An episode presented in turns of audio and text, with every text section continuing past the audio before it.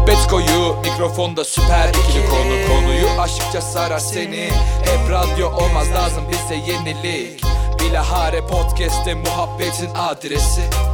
Muhabbet koyu mikrofonda süper ikili konu. Konuyu aşıkça sarar seni. Hep radyo olmaz lazım bize yenilik. Bilahare podcast'te muhabbetin adresi. Merhaba, ben Dilşat. Merhaba, ben de Mehtap. Bilgerle Podcast'te hepiniz hoş geldiniz. Hoş geldiniz. 35. bölümümüzde sizlerleyiz. Bugün nasılsın anneciğim? Teşekkür ederim. İyiyim. Sen nasılsın yavrum? Ben de iyiyim anneciğim, ne olsun. 35. bölümümüze gelmişiz. Ne düşünüyorsun bu konu hakkında? Çok iyi olmuş. 35 yolun yarısını aldık mı o zaman? Ha, ne diyelim? Ben çok severim o şiiri. Yaş 35 yolun yarısı demek diye. Evet. Güzel bir şiir. Peki anneciğim o zaman çok fazla uzatmadan hemen bu haftaki bölümümüze başlayalım diyorum. Bugün 6 Aralık Pazar. Normalde bugün ben sınava girmeliydim. Değil mi anneciğim? ALES'e girmeliydim ben bugün. evet, yaptığımız planlarla hayat e, bazen farklı şekilde karşımıza çıkabiliyor. Sınav iptal oldu. E, sınav neden iptal oldu ya da biraz bu konu hakkında konuşalım mı istersen? Ee, konuşalım anneciğim. Şimdi geçtiğimiz hafta kısıtlamalardan bahsedildi. İşte hafta sonları sokağa çıkma yasağı olacak vesaire. Biz de hatta evde konuştuk ki ben sınava nasıl gideceğim? İşte beni kim götürecek? Hani sokağa çıkma yasağı var siz benimle gelebilecek misiniz vesaire. Sonra normalde bu kadar sınava 3-4 gün kalmışken iptalinin açıklanmasını ben beklemiyordum sadece sınava olanlar sınava girer gibi düşünmüştüm. Ama sonra e, ÖSYM Başkanlığından açıklama geldi.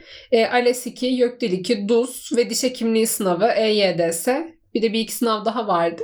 E, onlar ileri bir tarihe ertelendi diye açıklama yapıldı ama hangi tarih onu bilmiyoruz. Yani her an haftaya sınavınız var falan olabilir. Ya biraz da işime geldi açıkçası benim ertelenmesi. Çünkü bu e, ortamda sınava girmek gerçekten psikolojik olarak insanı çok yıpratıyor. Yani maskeyle e, soru çözmek gerçekten çok zor. Yani evde maskeyle soru çözen insanlar varmış kendilerini alıştırmak için çok mantıklı. Yani o yönden ciddi anlamda psikolojik olarak çok etkileniyorsun. Çünkü sınavda herkes maskesini indiriyor. Yani hocalar da gözetmenler de maskelerinizi çıkarmayın gibi bir şey demiyorlar. İnsan çok kötü hissediyor. Tabii ki eskisi gibi bütün sınıf ağzına kadar dolu bir şekilde sınava girmiyorsun. Gerekli önlemler alınıyor onunla bir şey diyemem. Ama yine de çok kötü. E, o yüzden en azından şu an için girmediğim için çok mutluyum sınava. Evet sınavlarda insanın dikkatini toparlayabilmesi için en azından e, sınavlar için bir çalışması olup bir hazırlık yapanlar için tabii ki ama bir de kriz yönetimi vardır ya. Hani hep sınavlarda söylenilir. Sınavlardaki soruları çözmek kadar o anki krizi yönetebilmek de önemlidir. E şimdi günümüzdeki kriz yönetimi nedir? Büyük bir baskı var üstümüzde. En başta sağlığımız söz konusu. E bununla baş edebilmek, ağzındaki maskenin varlığını 7-8 aydır artık benimsemiş olmak ya da bu e, insan psikolojisinde sana dayatılan bir yasaklama şekli var ya hani belki de yasaklardan ötürü bir aykırı bir ruh şekliyle buna hayır diyebilmek ya da e, çok uysal bir şekilde evet diyebilmek o ayrı bir olay ama nefes alışverişteki bazı kısıtlamalar onlar tabii ki seni etkiliyor. E bunlar da psikolojik olarak seni e, daha kötü hissetmeye, o dakika içinde çözeceğin eğer bir dakikaya üç soru sığdırabileceksen bir dakikada bir soruyu çözmek gibi sana geriye dönüşleri olabilir. Ben zaten bekliyordum böyle bir karar aslında. E çünkü gözümüzün önünde bütün dünyadaki özellikle kendi ülkemizdeki bu Covid'den ötürü hasta artışları, vaka artışları, özellikle yoğun bakım sayısındaki artışlar böyle bir tedbirin alınmasını e, ben bekliyordum. Hatta biraz daha erken olsaydı daha iyi olurdu. Daha sonraki sınavların tarihi de ben eminim bu iki haftalık süreç içindeki halkın e, bu kısıtlamalara ne kadar uyum sağlayabileceğiyle alakalıdır. Umarım e, her şey daha iyi olur. Herkes uysal bir şekilde evinde oturur. Zorunlu olmadıkça çıkmaz. Ama zorunlu olarak çıkacak insanlar da var. Bunlara da kolaylık dileyelim. Yani elimizden başka bir şey gelmiyor ne yazık ki. Peki anneciğim gündemimizi aslında çok fazla meşgul eden bir olay aylardır ama şu son zamanlarda daha çok artık her gün gündemimizde olmaya başladı. Hangi aşıyı yaptırmalıyız ya da aşı yaptırmalı mıyız? Bu aşılar nedir? Ee, bu konuda biraz konuşalım istiyorum. E, çünkü bu zamana kadar mesela mRNA'nın varlığından dahi bir haber olan insanlar şu an ya mRNA aşısı varmış onu mu yaptırsak yoksa Çin'den gelen aşılara mı baksak bilmem ne. E, biraz bu konuda konuşalım istiyorum. Olur dilimiz döndüğünce biz de normal vatandaş olarak bunu konuşmakta fayda var. Sen konuşmanda aşılarda hani öne çıkan mesela mRNA aşısı nasıl çalışır, diğer aşılar nasıl çalışır diye böyle bir sohbetler olduğunu söyledin ya. E, krizler de kendi içinde hep bir uzmanlı çıkarır ortaya. Dünyada hep bu böyle olmuştur. Dünyada kriz ne varsa ister istemez ortada konuşulan konulardan e, yarım yamalak da olsa e, gerek tam bu işin uzmanları olsun, uzmanı olmayan insanlar olsun, duyduklarıyla, gördükleriyle e, bazı konular hakkında konuşmalar oluyor. Sonuçta da şu anda da herkes birer aşı uzmanı, virüs uzmanı, hastalık uzmanı olarak karşımıza çıkıyor. Bunlar da kaçınılmaz sonuç. Aşı karşıtlığı ya da aşı destekçiliği diye gruplar olması da olağan bir şey. Sonuçta insan sağlığıyla alakalı. E, tabii altını çizmek lazım. Biz uzman değiliz. Bilim insanı değiliz. En azından ben. Yani evet herkesin görüşüne saygımız var tabii ki ama ben aşı karşıtlığına hiçbir şekilde anlam veremiyorum. Yani bunu sadece Covid üzerinden de düşünmemek lazım. Yani genel olarak aşı karşıtı bir kitle var dünyada.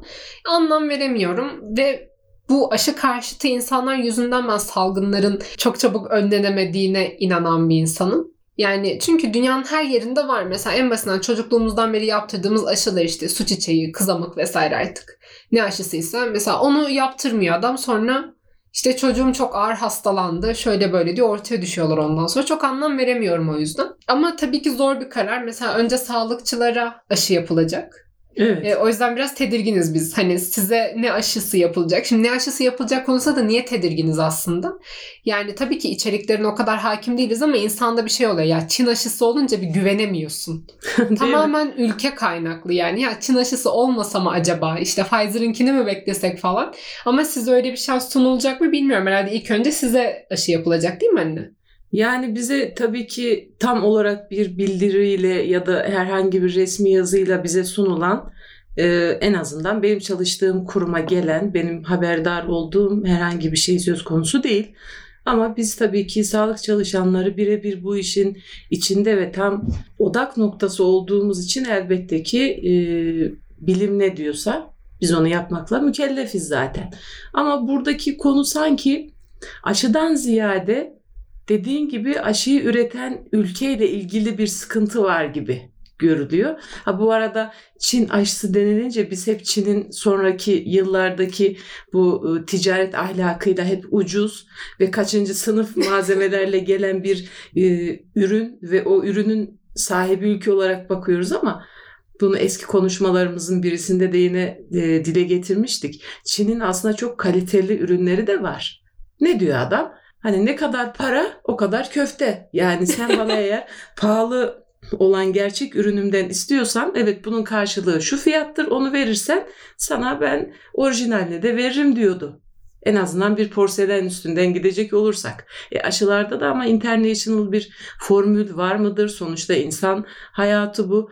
Yani sanki biraz daha aşının bilimsel olarak e, kendisiyle ilgili değil de kimin tarafından bize gönderiliyor o konuda biraz sıkıntı var gibi. E bunu da e, mutlaka büyük e, makamlarda devlet yetkilileri bizleri aydınlatacaklardır bu konuda diye düşünüyorum. En azından öyle umut ediyorum. Aslında evet anneciğim dediğin gibi aşılarda ilerlenen belli bir protokol var tabii ki ama işte yeni teknolojili aşılar ortaya çıktığı için biraz kafa karışıklığı oluyor. Ama şunu biliyoruz Çin'in koronavirüs aşısı yani yeni teknoloji bir aşı değil bildiğimiz eski yöntem e, kimyasallar aracılığıyla öldürülmüş yani zayıflatılmış virüs içeren bir aşı. Yani bilindik bir teknoloji olduğu için aslında bunun e, çok kötü yan etkiler yaratması da beklenmiyor aslında. Evet biz bunu ülke olarak da sanki en e, alışık olduğumuz aşı tarzı bu gibi değil mi? Yani evet zaten o söylediğimiz işte diğer yeni teknoloji aşılar zaten işte 2010-2018 yıllarında vesaire çalışılmaya başlanmış ve e, hala geliştirilmekte olan aşı çeşitleri. Yani o yüzden de aslında evet bilindik bir şey diye düşünüyoruz da işte dediğimiz gibi ya bir ülke faktörü insanı şey yapıyor. Keşke kendi ülkemizde geliştirilseydi de böyle bir aşı. Hani en azından kendi ülkemizin ürünü diyerek gönül rahatlığıyla kullansaydık. Gerçi onu da gönül rahatlığıyla kullanmayacak olanlar olurdu. Hani Türk'ün yaptığına güvenmem yok. İşte dışarıdan alayım diyen illaki çıkacaktır ama ne bileyim yani Çin'in aşısını kullanmaktansa kendi aşımızı kullanmayı çok isterdim. Aslında Türkiye'nin geçmişinde de bir yani aşı serüveni var herhalde değil mi anne? Ben çok vakıf değilim o konuya ama. Ee, öyle tabii ki bu bizim Türk tarihimizde birçok konuda olduğu gibi her daim biz aslında ilerlerde olmuşuz.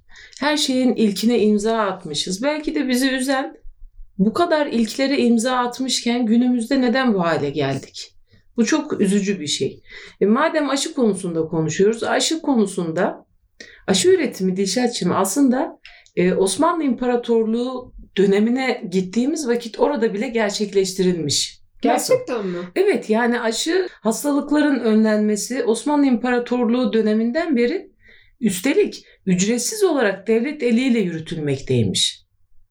Ne Düşünsene güzel. yani işte aşı üretiliyor ve halkına ücretsiz bir şekilde e, sunuluyor. Bu sebeple aşı ve serum üretimi kamusal bir görev ve sorumluluk olarak algılanmıştır zaten hani halk tarafından.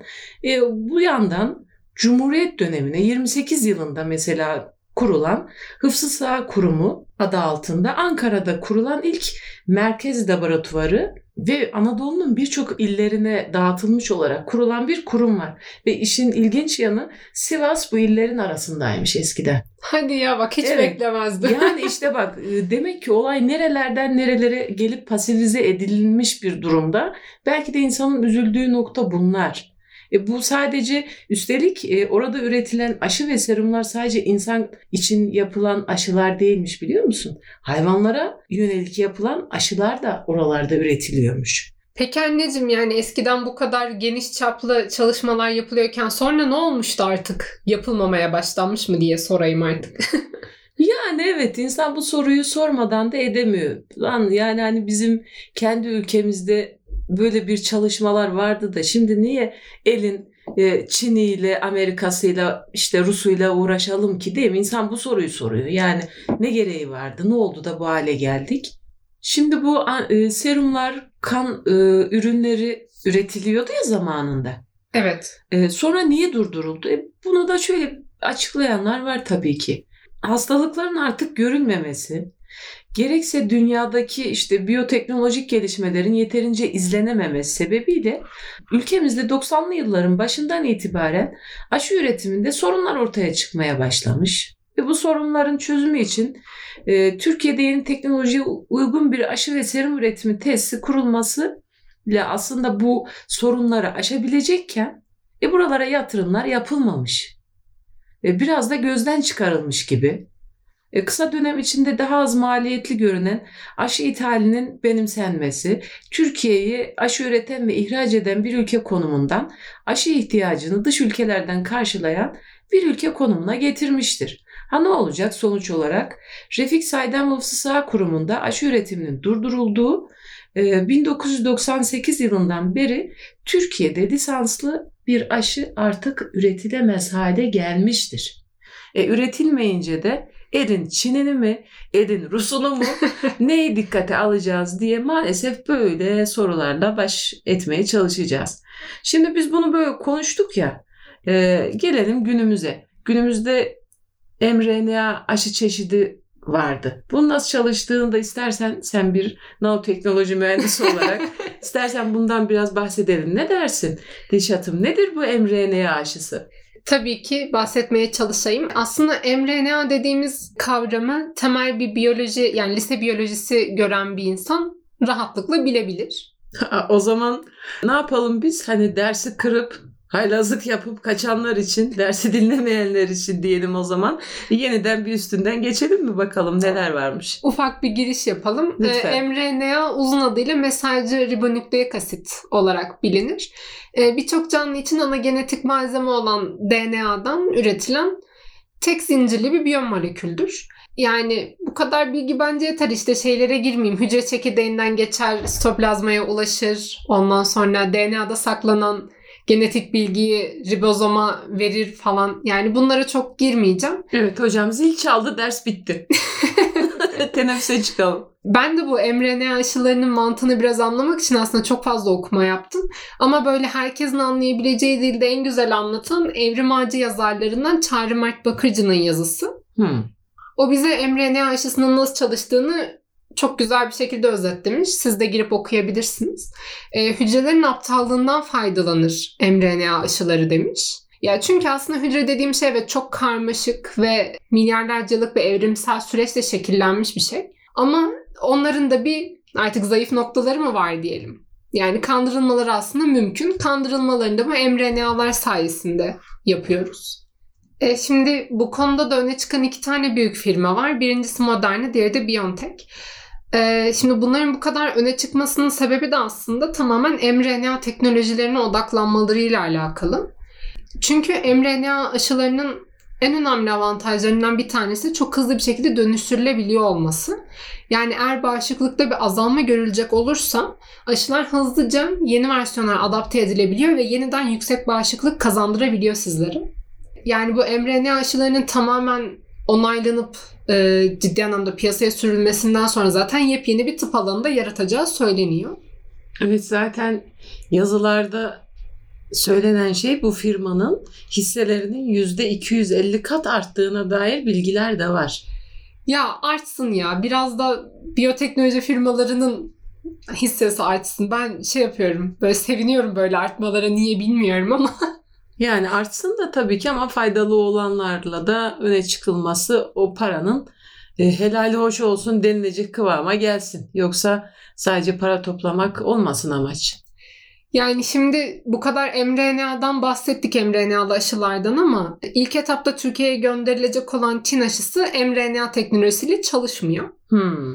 E, bunu söyleyelim. Konuşmamızın başında da belirttiğim gibi Çin aşısı eski tip e, geleneksel aşı formatıyla çalışıyor. Zayıflatılmış e, yani kimyasal yollarla zayıflatılmış virüsün vücuda verilmesi prensibine dayanan bir aşı çeşidi. E, tabii ki mRNA'lı aşıları da yaptıramayacak mıyız Pfizer'ın aşısı? İşte Hı hı. Pfizer-BioNTech firmalarının ortaklaşa aşılarını. Ee, bunun Türkiye'ye gelmesi herhalde Mart-Nisan aylarını bulacak gibi. Eğer o zamana kadar beklerim ben zaten evden çıkmıyorum gibi bir düşünceniz varsa güzelce mRNA aşınızı yaptırırsınız. Ama insan o kadar beklemeye de korkuyor. Ee, neticede faz 3 çalışmalarının da yakında hepsinin sonuçları alınır herhalde. Çünkü Türkiye'de de Çin aşısının faz 3 çalışmaları devam ediyor diye biliyorum. Evet ve bu bu kadar çalışma devam ediyorken geçen gün Sağlık Bakanımız açıkladı. Çin bizim bütün aşı talebimizi karşılayamayabilir. E, karşılayamadığı takdirde de diğer firmalardan herhalde tedarik edilecektir diye düşünüyorum. Umarım. Yani eğer sıraya e, en başından beri girilmediyse tedarik işi nasıl olur bilmiyorum. E, Türkiye'de yerli aşıya da tabii başlanmıştı çalışmalara. Nisan ayı gibi sonuçlanır diye söylenmişti konuşmalar. E gönül ister ki kendi devletimde, kendi e, memleketimde aşılarım üretilsin ve dışarıya bağımlı olmayayım. Hiç olmazsa kafadaki soru işaretleri de bir nebze olsun cevaplandırılmış ve geriye zaten bilim insanları bu konuda halka gerekli gerçek bilgiyi verecektir. Hani aşının gerekliliği konusunda ortada sonuçta herkesin kabul etmesi gereken evet bir pandemi var, bir bulaş var. E bunun aşılabilmesi de bilimle olacaksa e bilimin öngördüğü şey de bu konuda maske, mesafe, hijyenin yanında onlar tabii ki kişisel olarak yapabileceğimiz şeyler ama e, virüse etkin olacak şey aşıysa da kendi memleketimin aşısı deyip gözüm kapalı gidip kolumu uzatayım artık koldan mı yapacaklar nazal yolla dediğimiz burundan sprey şeklinde mi yapacaklar nasılsa yerli milli güvenceyle aşıyı yaptırsın herkes. Sen şimdi anneciğim maske, mesafe, hijyen deyince aklıma geldi onu da söyleyelim. Yani tabii ki biz burada şey değiliz, bilim kurulu üyesi değiliz ama elimizden geldiğince uyaralım. Yani aşı yapılsa dahi yine de maskeler çıkmamalı. Yani bir süre daha tamamen vakalar sıfırlanana kadar yine şu anki yaşadığımız gibi maske, mesafe, hijyene devam etmek zorundayız.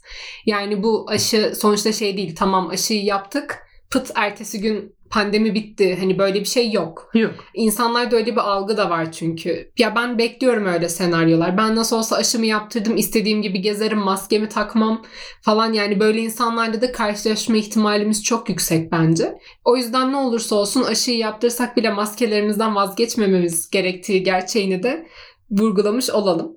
Ee, bakalım işte istediğimiz kadar aşı nasıl tedarik edecek? Hepsi temelde aslında paraya dayanıyor. Değil mi anneciğim? Yani parayı veren aşıyı alacak gibi. Yani evet e, her şeyin başında olduğu gibi yine Lidyalılara bir e, selam mı göndersek? Parayı buldunuz, bizi bu hale getirdiniz diye. Lidyalılar, ah Lidyalılar ama yine konumuz dönüp dolaşıp asıl dünya üzerindeki büyük metaya geliyor. Ah Lidyalılar, ah Lidyalılar, ah Lidyalılar diyorum. Ve kulaklarını çınlatıyorum işte. E, sonuçta her şeyin başı para. Hani her şeyin başı sağlıktı ya. Onlar bizim için e, söylenen şeyler ama gerçek dünyada geçerliliği olan şey maalesef kızım çok üzgünüm ama para. Para, para, para. Çok üzünlendik şu an.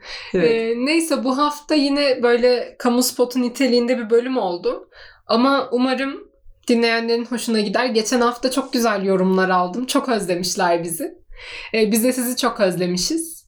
Ee, inşallah her hafta yeni bölümlerle sizin yine karşısında olacağız. Evet bir de eğer konuşmamızı dinlerken kendinize göre evet bu anı paylaşmak ve kendinizce e, güzel şeyler duyduğunuzu düşünüyorsanız e, konu anlamıyla bize öneride bulunabilirsiniz. E, şunu da konuşun ya da şunla arada bir iki serpiştirin gibi konuları. Memnun oluruz. Bunları yazılı olarak bize iletirseniz mutlu oluruz tabii ki. Bütün sosyal medyalarda Bilardo Podcast adıyla bizi arayarak ulaşabilirsiniz. Mesaj atabilirsiniz. Google Podcast'larda, Apple Podcast'larda ve Spotify'da bizi dinliyorsanız da beğendiğiniz sürece bize 5 yıldız puan vererek Evet. daha çok kitleye ulaşmamızı sağlayabilirsiniz. Ee, o zaman haftaya yeni bölümümüzde görüşmek üzere. Diyelim mi? Diyelim bakalım. Haftaya yeni bölümümüzde görüşmek üzere. Kendinize iyi bakın. Hoşça kalın. Dostça kalın. Sabah uyandın yine kalktın. Keyfin yok. Günaydın hava karardı sorunlar çok. Beklentin yok fakat dertler bir bitmiyor. Aç podcast'in muhabbet seni bekliyor. Dilşat ve Mehtap en süper ikili. Dinleyenler muhabbete ilgili. Sen de durma takip et bugün de Çok güzel konular bekliyor seni